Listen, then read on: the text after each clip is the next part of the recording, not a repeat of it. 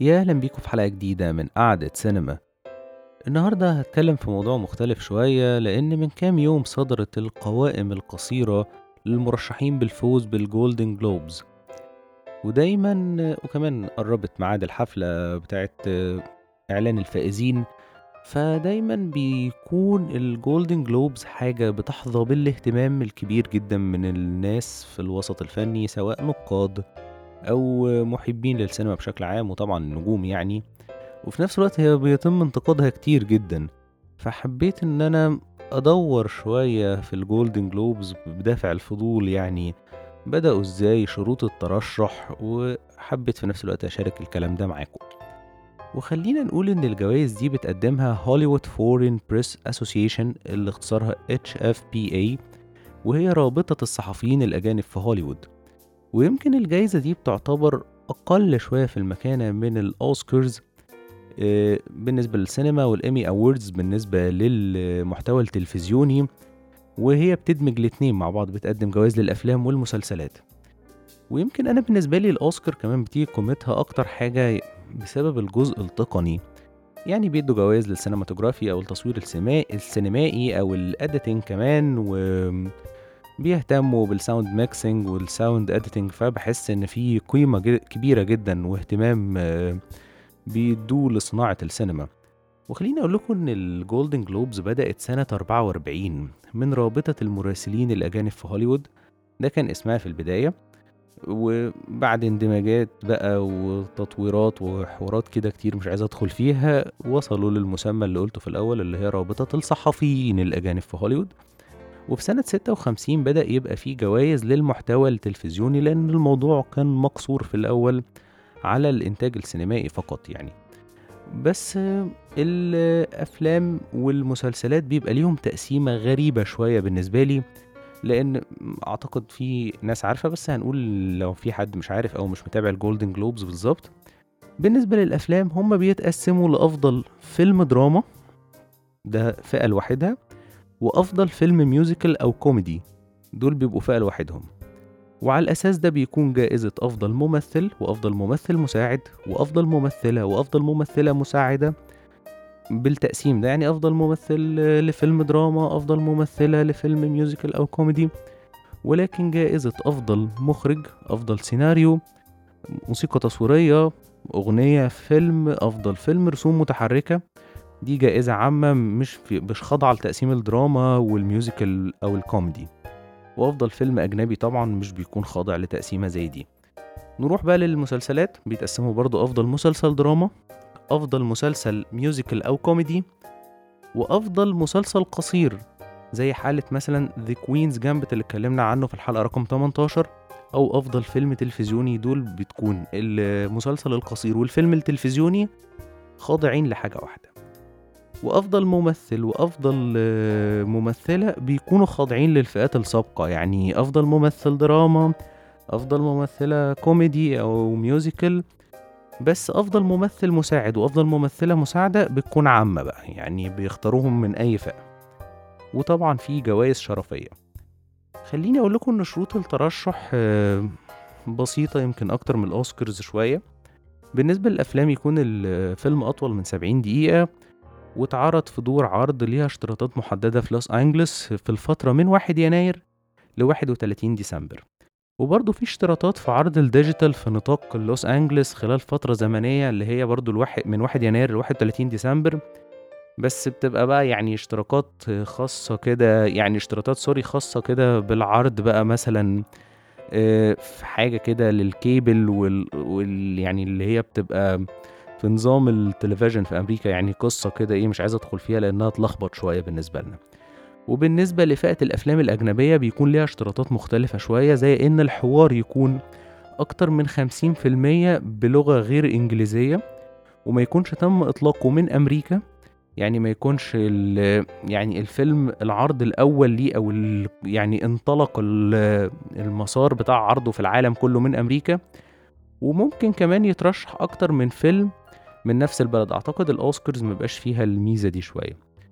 المسلسلات بتكون حك... ال... ال... الشروط بتاعتها إنها تكون أمريكية والحاجات الغير أمريكية لازم يكون إنتاج مشترك مع جهة أمر أمريكية وناطقة بالإنجليزية طبعًا، ويكون المحتوى تلفزيوني يعني مسلسل، يعني ما يكونش مثلًا تلفزيون واقع reality shows أو سكيتشات مثلًا زي نوعية SNL أو مسابقات، كل ده مش في الحسابات طبعًا. وب بنيجي بعد كده لمرحلة التصويت، التصويت ده بيكون عن طريق الرابطة اللي إحنا قُلناه في الأول. الرابطة دايمًا بتكون في حدود 90 يعني 90، 95 بس آخر update ليها إن عددها هو 85.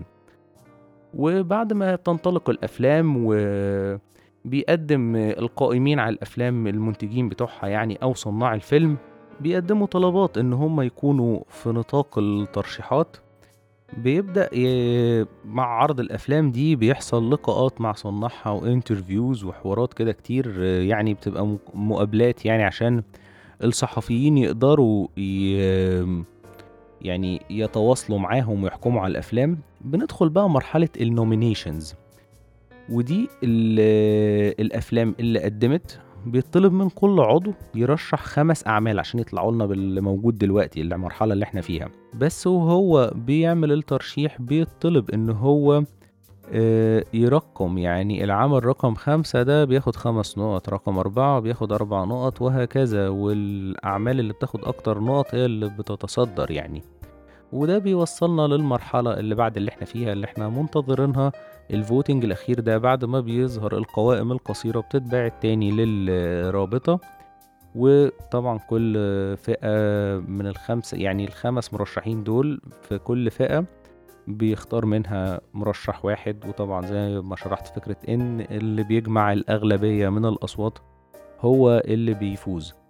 وده يمكن بيكون مختلف شوية عن الأوسكارز ممكن نبقى نتكلم عنها في وقت لاحق يعني في وقتها شوية لمّا بتقرّب الجايزة، بيكون نظام معقّد شوية، وبيكون يعني يمكن ده بيدّي له قيمة أكتر لإن بيكون الصعوبة دي يعني بتخلّيه sophisticated كده أو تقيل شوية. وكمان فكرة إن ال الأوسكارز كمان أعتقد اللي بيدّيها قيمة إن الناس اللي بيصوّتوا بيكونوا شغالين في المجال السينمائي، لكن هنا دي بيُنظر ليها إن هم يمكن صحفيين أو نقاد فقط، فبيكون الموضوع أقل شوية يعني. بس خلّينا متفقين إن الGolden Globes دايمًا محط انتقاد كبير جدًا، رغم إنها جاذبة جدًا للاهتمام. أنا باشوف زي كل العالم إنها أقل شوية مكانة من الأوسكارز، بس يعني الفترة اللي بتطلّع فيها ال nominations زي اليومين دول بت يعني بتورّيك اتجاه الجوايز إيه، آه مش بتكون 100% أو بتحدد الأوسكارز، آه قد تتشابه النتائج، بس يعني بتبقى مثيرة للاهتمام، بتشوف يعني الوسط السينمائي فيه إيه واتجاه الجوايز إيه، ده بالنسبة لي يعني. والبعض بيشوفها حفلة ما لهاش قيمة يعني، بس أنا مش للدرجة دي، ويمكن الجوايز اللي بتوزّعها مثلًا لو الفيلم ما خدش أوسكارز بس أخد Golden Globes دايمًا بيتم الاحتفاء بالجائزة يعني بتبقى حاجة مهمة نسبيًا. بس الانتقادات دي أعتقد في محلها يعني وما فيش دخان من غير نار زي ما بيقولوا. من الخمسينات دايمًا في شكوك بتدور حوالين الجايزة، ومثلًا زي إن رئيس الرابطة في سنة من السنين استقال لإن حَس إن الأمور موجهة، وإن دايمًا بيُشاع إن في مجاملات، وبيُقال إن في وقائع كتير، ويمكن بسبب الشكوك دي كان ذروة الموقف من سنة 68 ل74 تم منع بث الحفلات بتاعة الGolden Globes، والمنع ده تم عن طريق لجنة الإعلام الفيدرالية بسبب اتهامها للقائمين على الجائزة بالتضليل فيما يخص تحديد الفائزين، لإن حسب التقرير الحكومي اللي صدر إن الفائزين لازم يحضروا الحفلة، وإلا بيتم اختيار اسم تاني، عكس الأوسكارز مثلًا زي ما مارلون براندو ما حضرش استلام جايزة أحسن ممثل عن دور فيتو كورليوني الأيقوني في فيلم The Godfather بسبب اعتراضه على الانتهاكات والعنصرية اللي بتحصل ضد السكان الأصليين في أمريكا. لأ هنا أنت هتحضر هتاخد الجايزة، مش هتحضر لأ خلاص هنشوف حد تاني. فده يعني اعتبره البعض ما فيهوش شفافية، بس سنة 74 انتهت القصة وبعد كده رجعت ال الجوايز تتبث تاني.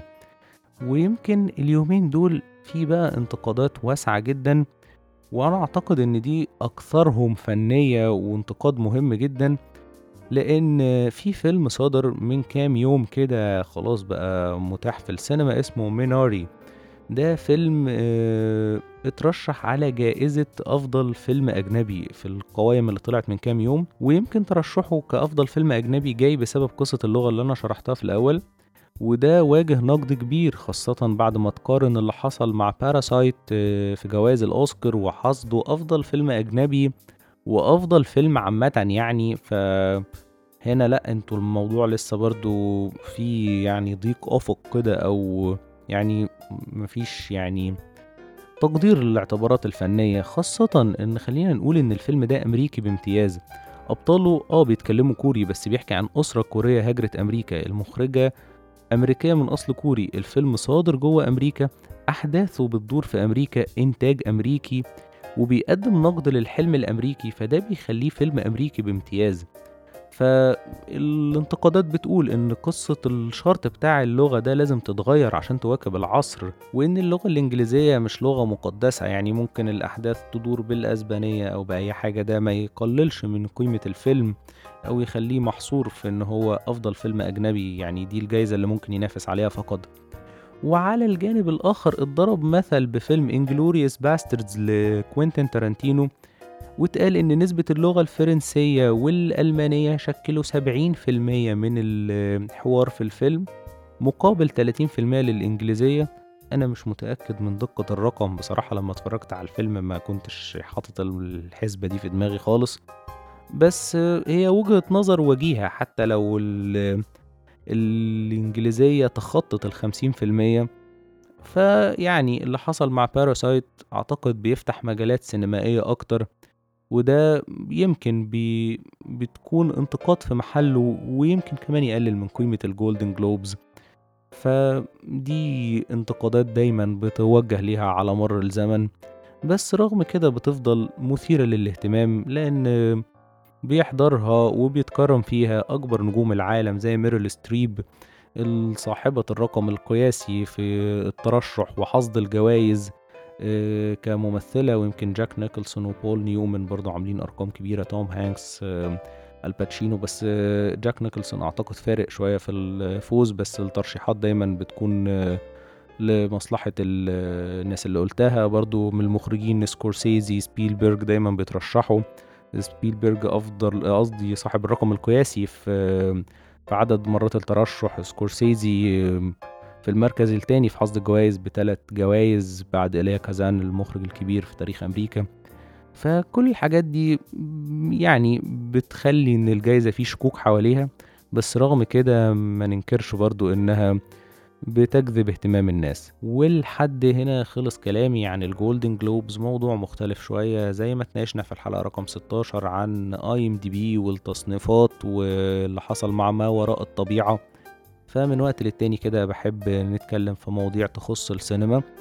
فيا رب تكون الحلقة عجبتكم ويا ريت اللي مش عامل subscribe يعمل عشان توصل لكم الحلقات الجديدة. ونتقابل الحلقة الجاية. مع السلامة.